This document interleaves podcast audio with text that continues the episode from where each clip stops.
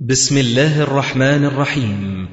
تسجيلات السلف الصالح للصوتيات والمرئيات والبرمجيات. تقدم تفسير الجلالين لفضيلة الشيخ الدكتور محمد إسماعيل. الحمد لله الذي علم بالقلم علم الإنسان ما لم يعلم. والصلاة والسلام الأتمان الأكملان على معلم الأمم وعلى آله وصحبه اولي العزائم والهمم. أما بعد فإن أصدق الحديث كتاب الله وأحسن الهدي هدي محمد صلى الله عليه وسلم وشر الأمور محدثاتها وكل محدثة بدعة وكل بدعة ضلالة وكل ضلالة في النار. ثم أما بعد فنشرع بإذن الله تعالى في تفسير سورة الشرح وهي السورة الرابعة والتسعون في ترتيب سور المصحف الشريف. سورة الشرح آياتها ثمان وهي سورة مكية.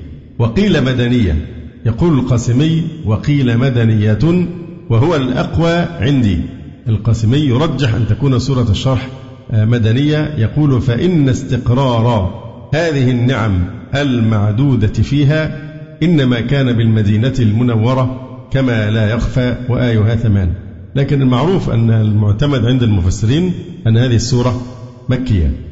يقول الله تبارك وتعالى بسم الله الرحمن الرحيم. ألم نشرح لك صدرك ووضعنا عنك وزرك الذي أنقض ظهرك؟ ألم نشرح؟ هذا استفهام تقرير. يعني شرحنا. ففي التفسير ألم نشرح؟ نقول قد شرحنا لك صدرك. خاصة وأنها عطف عليها الماضي. ألم نشرح لك صدرك؟ الجملة التي بعدها إيه؟ ووضعنا عنك وزرك. فعطف عليها الماضي فدل على أن معنى ألم نشرح يعني شرحنا ووضعنا ورفعنا. ألم نشرح أي شرحنا لك يا محمد صلى الله عليه وسلم صدرك بالنبوة وغيرها. ووضعنا عنك وزرك. وضعنا حطتنا عنك وزرك أي ذنبك. الذي أنقض ظهرك أي أثقل ظهرك لو لم يعفو الله عنه. يعني لولا أن عفى الله عنك لا أنقض وأثقل الذنب ظهرك. وهذا مثل قوله تعالى ليغفر لك الله ما تقدم من ذنبك وما تأخر. ورفعنا لك ذكرك بأن تذكر مع ذكري في الأذان والإقامة والتشهد والخطبة وغيرها. فإن مع العسر يسرا. هذه الفاء عاطفة على كلام محذوف لا بد من تقديره. والتقدير خولناك ما خولناك فلا يخامرك اليأس فإن مع العسر يسرا إن مع العسر يسرا. إن مع العسر أي الشدة يسرا سهولة. إن مع العسر يسرا والنبي صلى الله عليه وآله وسلم قاس من الكفار شدة ثم حصل له اليسر بنصره عليهم صلى الله عليه وآله وسلم. فإذا فرغت فانصب إذا فرغت من الصلاة فانصب أي اتعب في الدعاء. وإلى ربك فارغب أي تضرع نفصل التفسير آه، شيئا آه، يسيرا. قوله تعالى هنا ألم نشرح لك صدرك؟ قلنا إن الهمزة هنا هي الهمزة طبعا فيها معنى النفي. ولم أيضا للنفي لم للنفي. والهمزة فيها معنى النفي. فترافعا فنفي النفي يساوي إيه؟ إثبات. زي ناقص في ناقص بتجيب إيه؟ زائد. فنفي النفي إثبات. فالهمزة فيها معنى النفي ولم للنفي فترافع. فبقي الفعل مثبتا. يبقى لم نشرح يعني قد شرحنا لك صدرك. فهذا الاستفهام معناه التقرير أي قد فعلنا ذلك. فنفي النفي إثبات كما قال تعالى أليس الله بكاف عبده؟ وقال عز وجل على لسان فرعون ألم نربك فينا وليدا؟ يعني قد ربيناك فينا وليدا. ويقول الشاعر ألستم خير من ركب المطايا وأندى العالمين بطون راحب ألم نشرح لك صدرك؟ أي ألم نوسعه بإلقاء ما يسره ويقويه وإظهار ما خفي عليه من الحكم والأحكام وتأييده وعصمته حتى علم ما لم يعلم.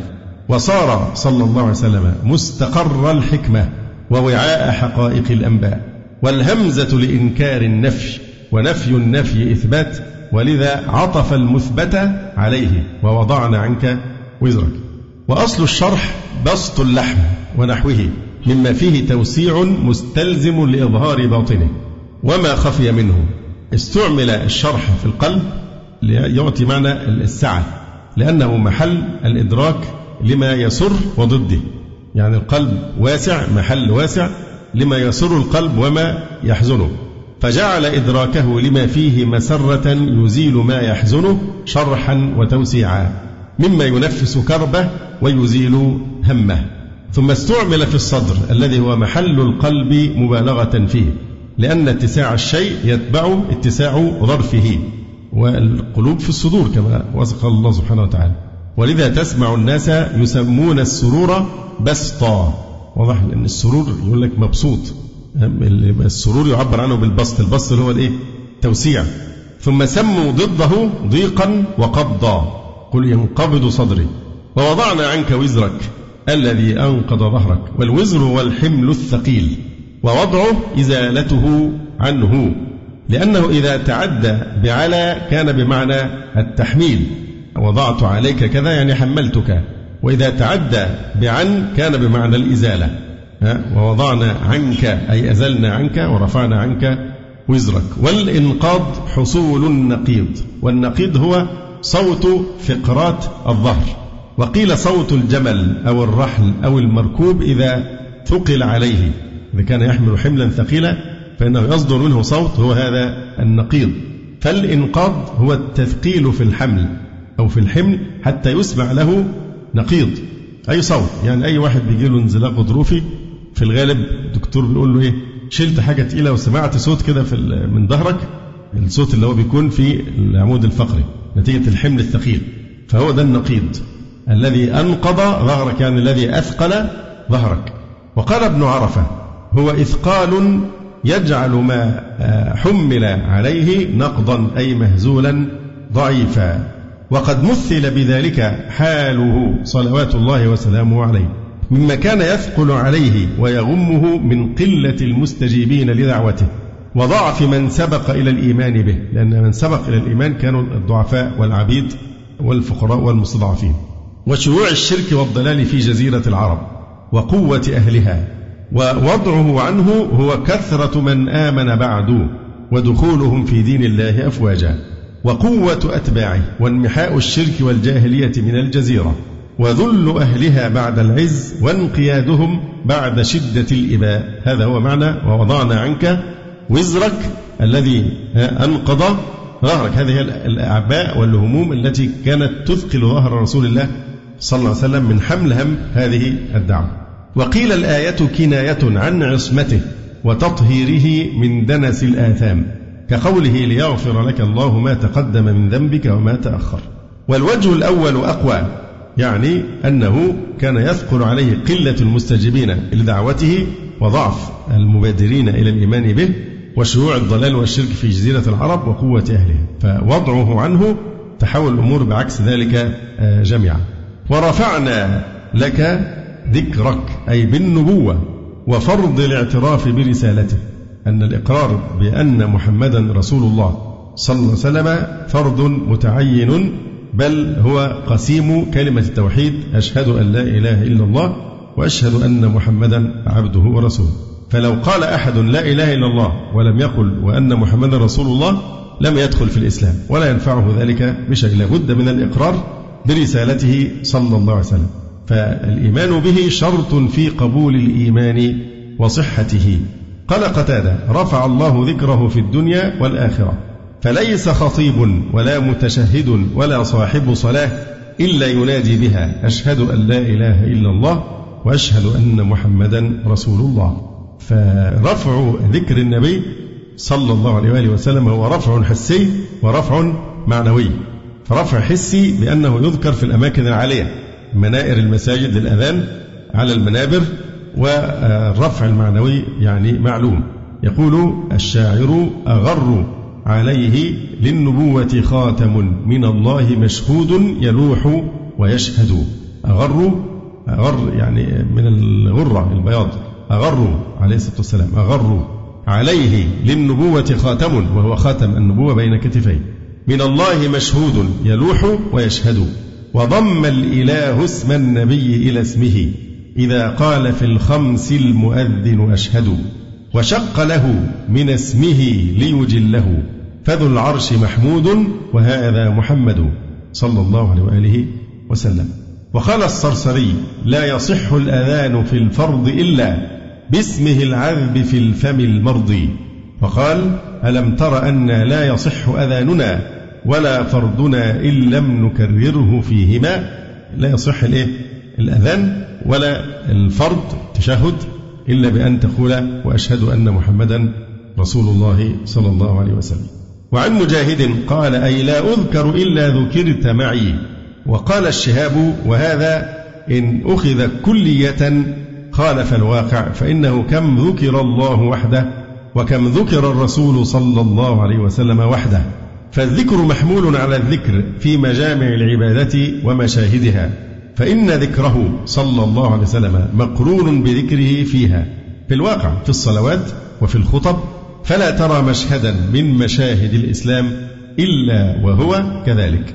فلا ينفك ذكره صلى الله عليه وسلم عن ذكره تعالى في يوم من الأيام ولا ليلة من الليالي بل ولا في وقت من الأوقات المعتد بها فتتجه الكلية.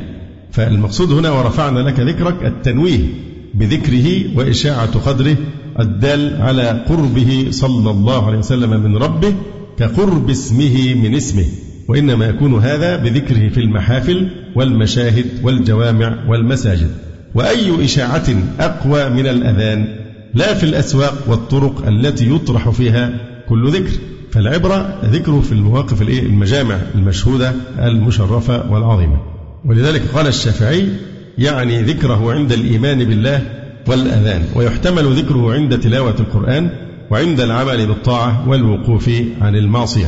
الذكر باعتبار أن من الذي بلغنا يعني حتى ذكر الله سبحانه وتعالى أو عند أي نوع من أنواع الطاعة أو الكف عن معصية فإن الإنسان يكون ذاكرا للنبي صلى الله عليه وسلم بقلبه لأنه هو الذي بلغنا هذا الشرع عن الله سبحانه وتعالى. فهذا أعم من الذكر باللسان. فإن ذكر اللسان مقصور على الإسلام والأذان والتشهد والخطبة ونحوها.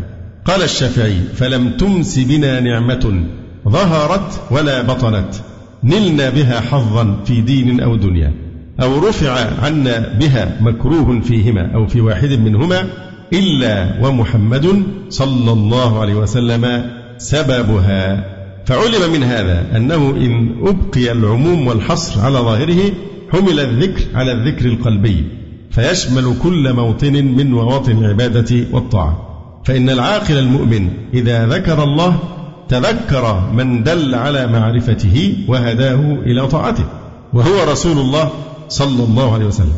كما قيل فأنت باب الله أي امرئ أتاه من غيرك لا يدخله فأنت باب الله لا يمكن أن يصل أحد إلى الله سبحانه وتعالى وإلى إلى رضاه ولا إلى اجتناب مساخطه إلا عن طريق اتباع رسول الله محمد صلى الله عليه وآله وسلم. فأنت باب الله أي امرئ أتاه من غيرك لا يدخله ولك أن تقول المراد برفع ذكره تشريفه صلى الله عليه وسلم بمقارنته لذكره في شعائر الدين الظاهرة وأولها كلمة الشهادة وهما أساس الدين ثم الأذان والصلاة. والخطب فالحصر إضافي فإن مع العسر يسرا. إشارة إلى أن الذي منحه من شرح الصدر ووضع الوزر ورفع الذكر بعد ضيق الأمر واستحكام حلقات الكرب في أول السير كان على ما جرت به سنته تعالى في هذا النوع من الخليقة.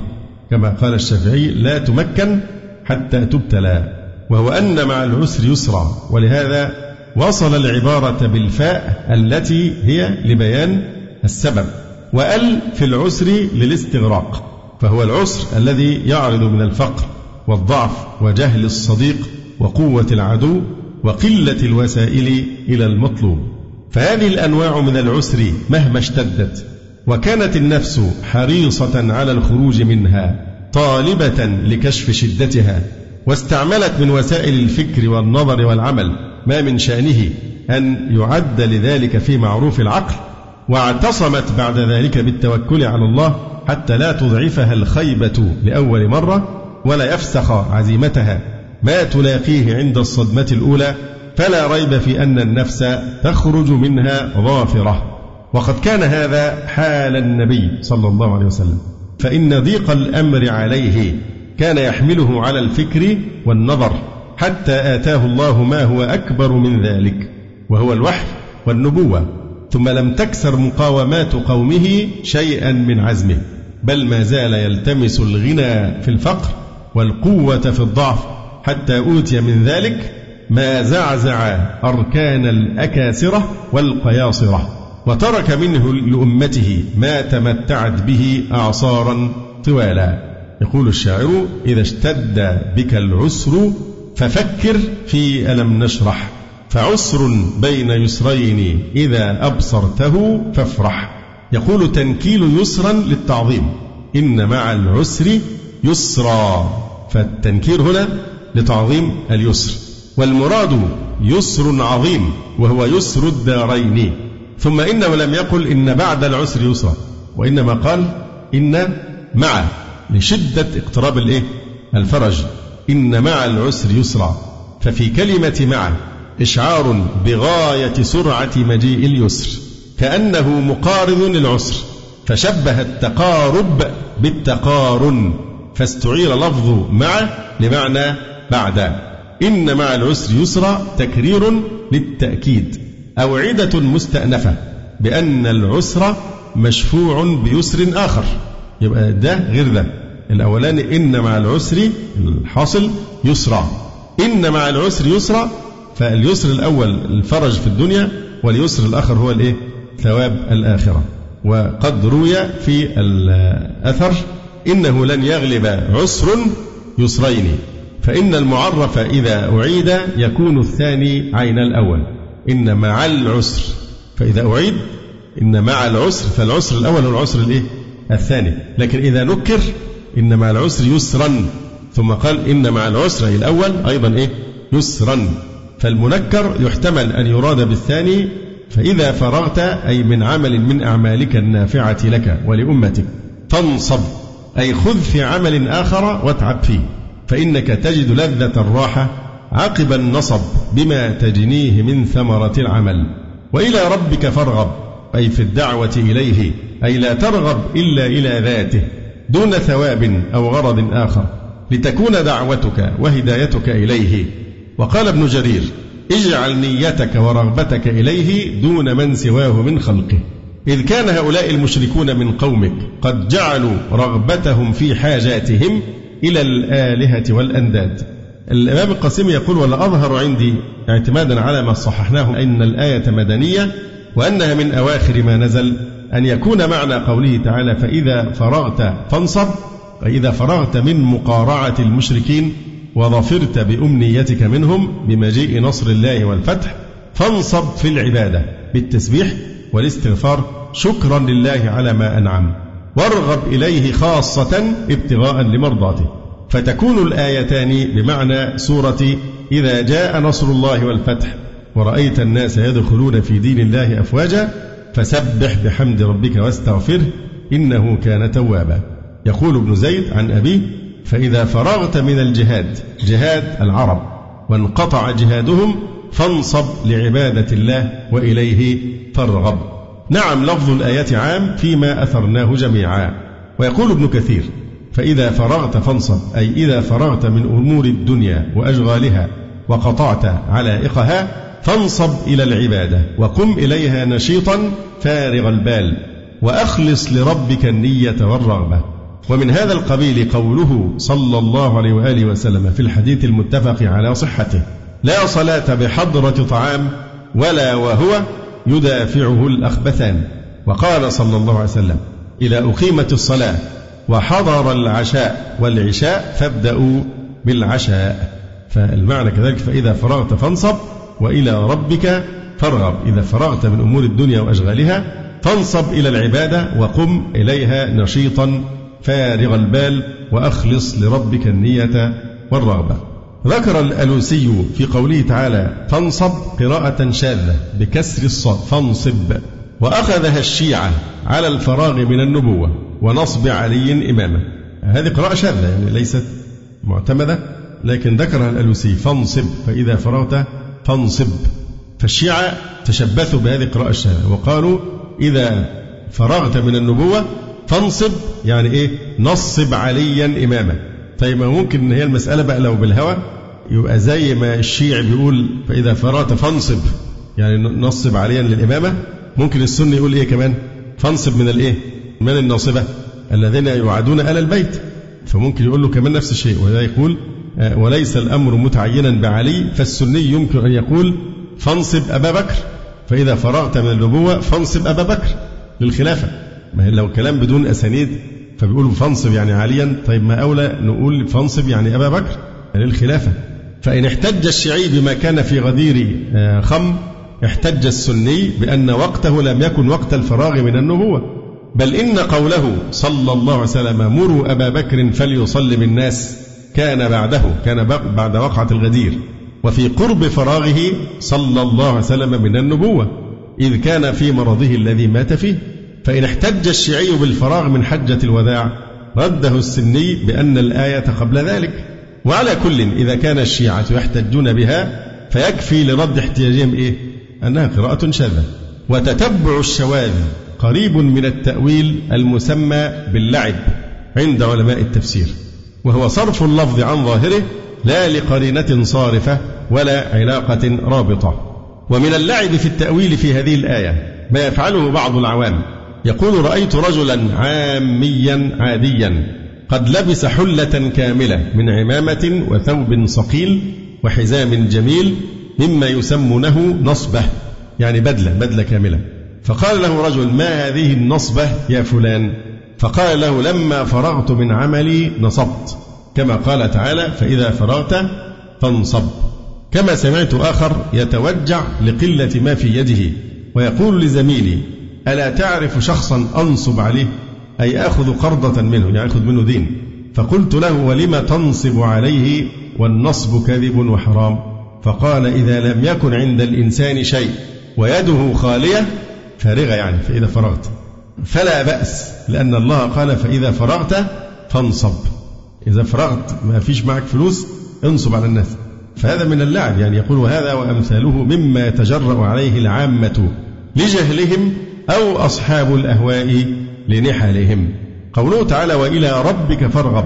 التقديم هنا مشعر بالتخصيص. إلى ربك يعني لا إلى سواه. كقولك في الفاتحة إياك نعبد أي لا نعبد غيرك. هكذا هنا لا ترغب إلى غيره سبحانه وتعالى.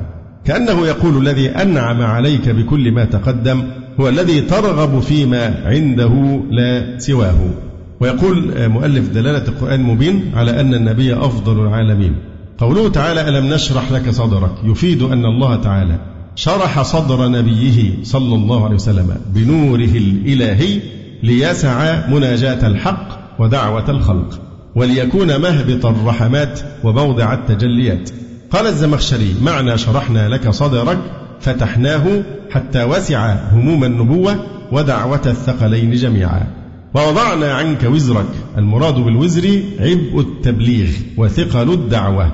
كان الاهتمام بهما يقض مضجعه حتى سهلهما الله تعالى عليه ويسرهما له. وفي قراءة ابن مسعود وحللنا عنك وقرك والوقر الحمل. ورفعنا لك ذكرك. يفيد أن الله تعالى رفع ذكر نبيه صلى الله عليه وآله وسلم. فبشر به في الكتب السابقة وأخذ عهدا على الأنبياء أن يؤمنوا به وينصروه إن ظهر في زمانهم. وقرن اسمه باسمه تعالى في الأذان والإقامة والتشهد في الصلاة وفي خطب الجمعة والعيدين وفي خطبة النكاح وفي الشهادة التي لا يكون الشخص مسلما إلا إذا نطق بها. وجعل الصلاة عليه عبادة فرضها على المسلمين صلى الله عليه وآله وسلم.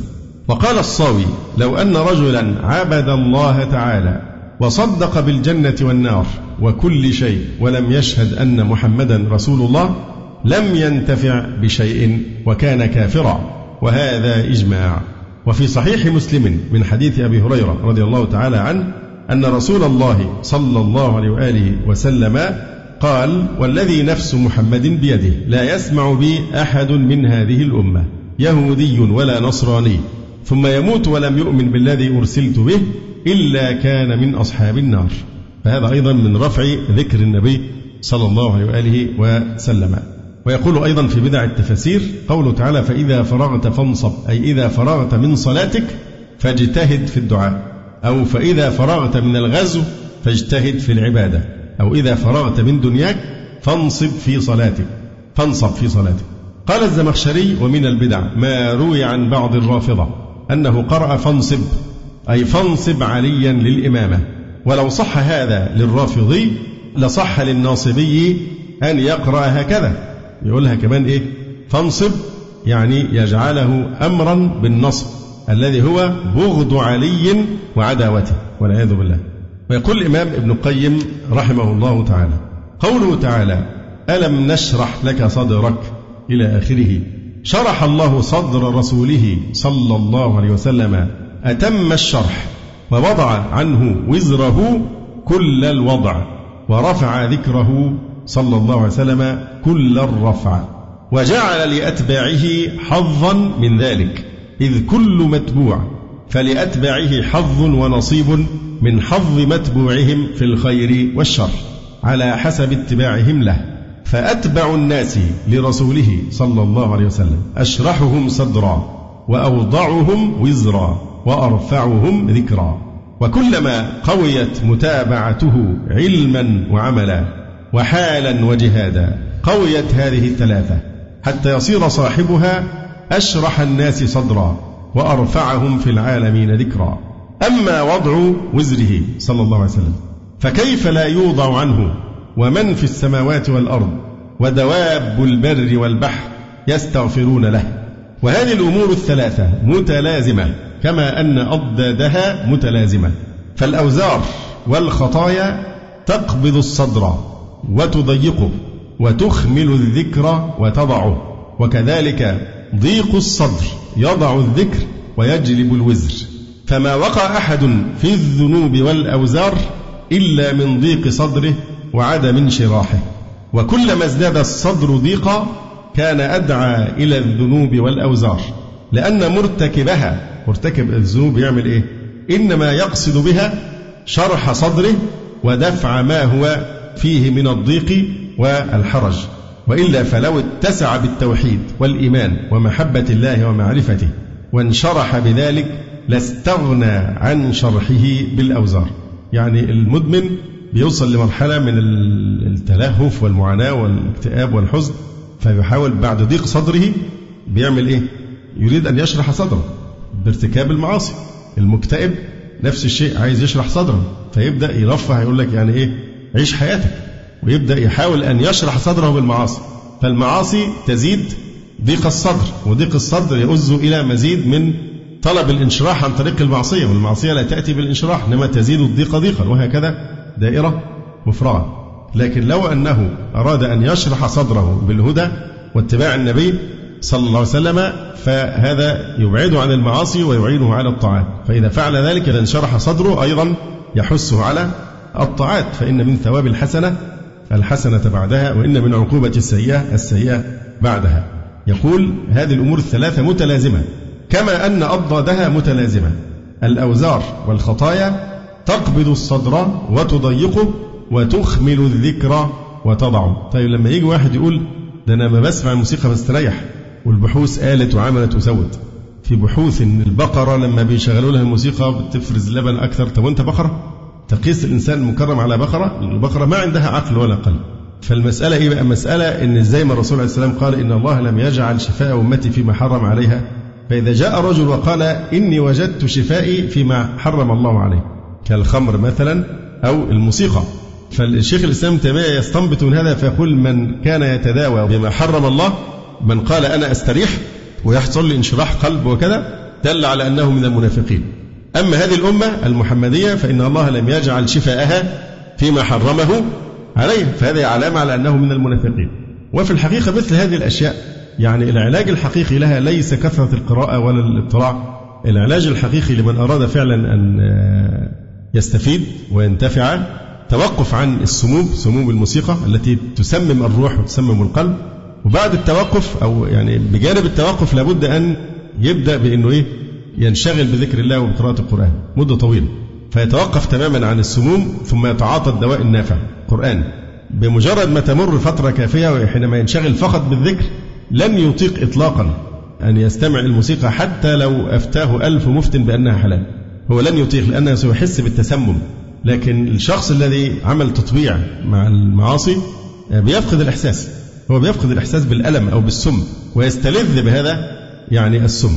نعود إلى الكلام. يقول ابن القيم فما وقع أحد في الذنوب والأوزار إلا من ضيق صدره يقولوا له روح رفع عن نفسك شوية افعل كذا وكذا وكذا عشان يوصل لإيه؟ إزاحة ضيق الصدر والحصول على شرحه بس عن طريق الذنوب والمعاصي. وكلما ازداد الصدر ضيقا كان أدعى إلى الذنوب والأوزار لأن مرتكبها إنما يقصد بها شرح صدره ودفع ما هو فيه من الضيق والحرج. وإلا فلو اتسع صدره بالتوحيد والإيمان ومحبة الله ومعرفته وانشرح بذلك لاستغنى عن شرحه بالأوزار. ولهذا كان أكثر من يواقع المحظور إنما يدفع به عن نفسه ما فيها من الهم والغم والضيق. وكثيرا ما تبرد شهوته وإرادته ومع هذا يحرص على المعاودة تداويا منه بزعمه.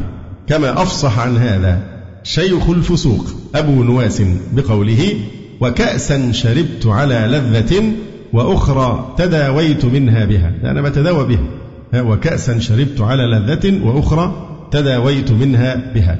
فإذا حمل العبد الأوزار أوجب ذلك له ضيق الصدر وخمول الذكر. طيب ممكن واحد يعترض ويقول ممكن بعض الناس يدمن المعاصي إدمانا شديدا ويتمادى فيها؟ وبيكون سعيدا جدا ويعلموه كلام شيطاني إبليسي يقول الصالح مع نفسك. في الصالح مع نفسه ولا يشعر بأي ذنب وبيتمادى في المعاصي. طبعا يقال إن هذا وصل لحالة إيه؟ موت القلب. لأن الشعور بالذنب والندم والتألم وضيق الصدر الصدر بسبب المعصية هذا من أعظم نعم الله على العبد. لأن وجود الألم دليل على الإيه؟ بقاء الحياة من خصائص الحياة الإحساس. ما لجرح بميت إيلامه ولا يضير الشاة سلخها بعد ذبحها. دايما أضرب لكم مثل بقدم المريض السكر إن دايما بيحذر يحذر تحذيرا شديدا من أي شيء يدخل في رجليه. لماذا؟ لأنه إذا تمادى به المرض وكان مهملا في العلاج ونحو ذلك يحصل مضاعفات المرض بتفقد الأعصاب الطرفية إيه؟ بتموت أو بيحصل فيها خلل يعني. فبالتالي ممكن أي شيء يدخل في رجليه وهو ما يحسش بيه زجاجة قشة أي حاجة. ولو دخلت في رجليه بيحصل مضاعفات خطيرة جدا تنتهي بإيه؟ أحيانا تنتهي بالغرغرينة والبتر وإلا لو ترك هيقضي على كل بدن يؤكل كل بدن الغرغرين فالعلاج بيوصل ساعات للبتر. لماذا؟ ده جزء من جسمه بيموت وهو حي. إيه السبب؟ فقد الإحساس في الجلد. الشخص السليم إذا دخل في رجله مسمار أو زجاجة أو نحو ذلك بيعمل إيه؟ على طول بينتبه وبيرفع رجليه عنها. لكن ده ممكن يوقف على الإزازة لحد ما تتوغل في رجليه وهو مش حاسس. فعدم وجود الإحساس هو الخطر. فمن رحمة الله سبحانه وتعالى بالمؤمن أنه نفسه لوامة. ولا أقسم بالنفس اللوامة. فالشعور بالذنب هذا نعمة. نعمة من الله سبحانه وتعالى. لأنه دليل على صحة القلب. معناه أن في أمل. لسه في أمل. أن يحيا قلبه من جديد. لكن إذا مات قلبه ولم يعد يحس سيتمادى في المعاصي وهو بمنتهى السعادة. أنه ظفر بها وأنه يستمتع بها ويتمادى فيها. نتيجة فقد الإيه؟ الإحساس. فهذا بقى لأن قلبه مات. فهيتوب من إيه؟ خلاص. يعني هو مش عمل تطبيع مع المعاصي واستحلها وتمادى فيها وسعيد بيها مش بيشعر بالذنب. فده حاله أسوأ من الأول لأن أشد عقوبة يعاقب الله بها عبده ليست الجلد ولا الرجم ولا القطع ولا الحبس ولا كذا. أخطر عقوبة هي العقوبة الإنسان الذي لا يحس بأنه يعاقب.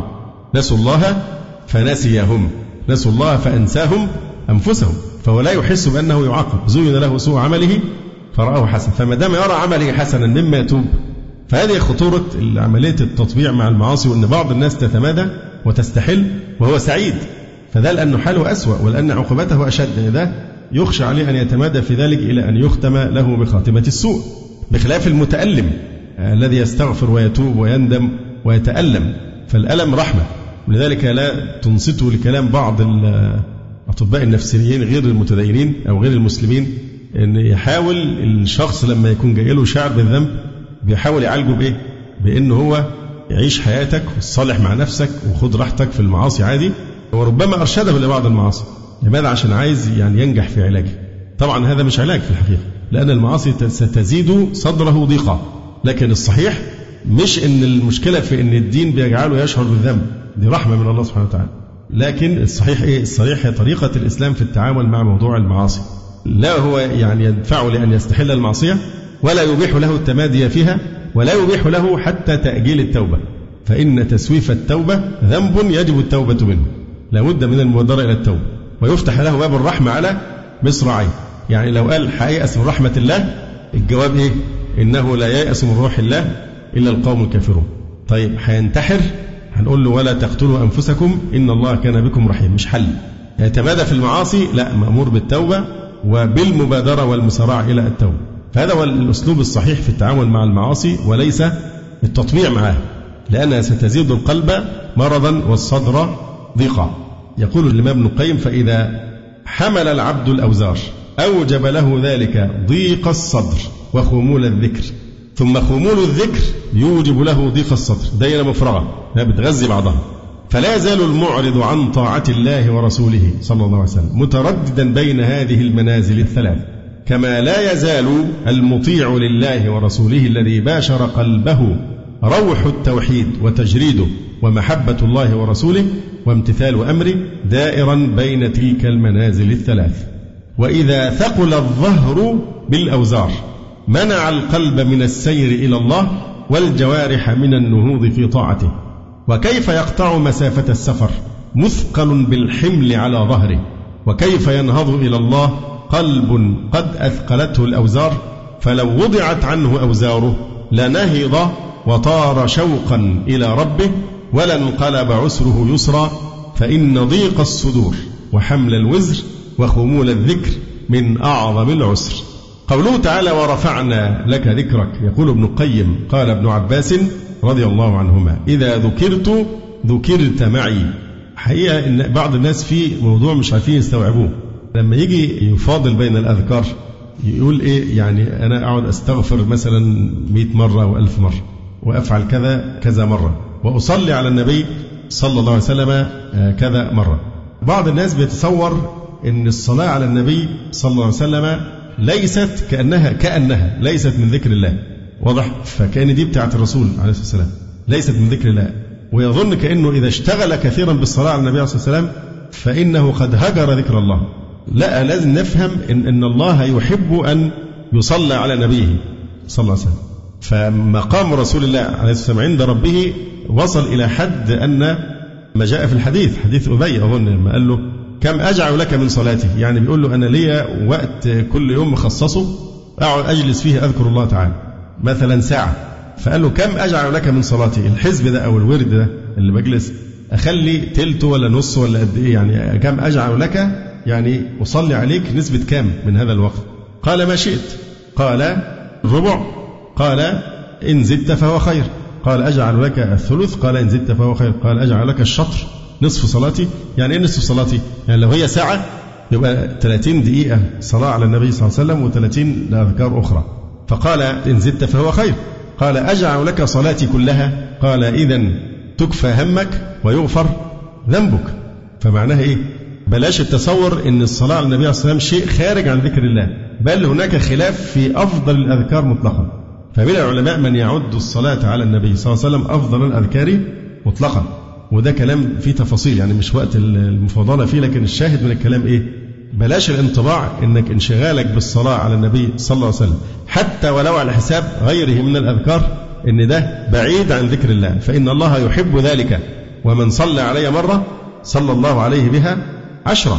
كل هذا من الوحي الذي أوحاه الله إلى نبيه صلى الله عليه وآله وسلم. قوله تعالى ورفعنا لك ذكرك قال ابن عباس رضي الله عنهما إذا ذكرت ذكرت معي. فيقول لا إله إلا الله محمد رسول الله وفي في كلمة الإسلام وفي الأذان وفي الخطب وفي التشهدات وغير ذلك. وفي هذا الدليل نظر لأن ذكره صلى الله عليه وسلم مع ذكر ربه هو الشهادة له بالرسالة إذا شهد لمرسله بالوحدانية. وهذا هو الواجب في الخطبة قطعا بل هو ركنها الأعظم. وقد روى أبو داود وأحمد وغيرهما من حديث أبي هريرة رضي الله عنه. عن النبي صلى الله عليه وسلم قال كل خطبة ليس فيها تشهد فهي كاليد الجذماء. وهذا حديث صحيح.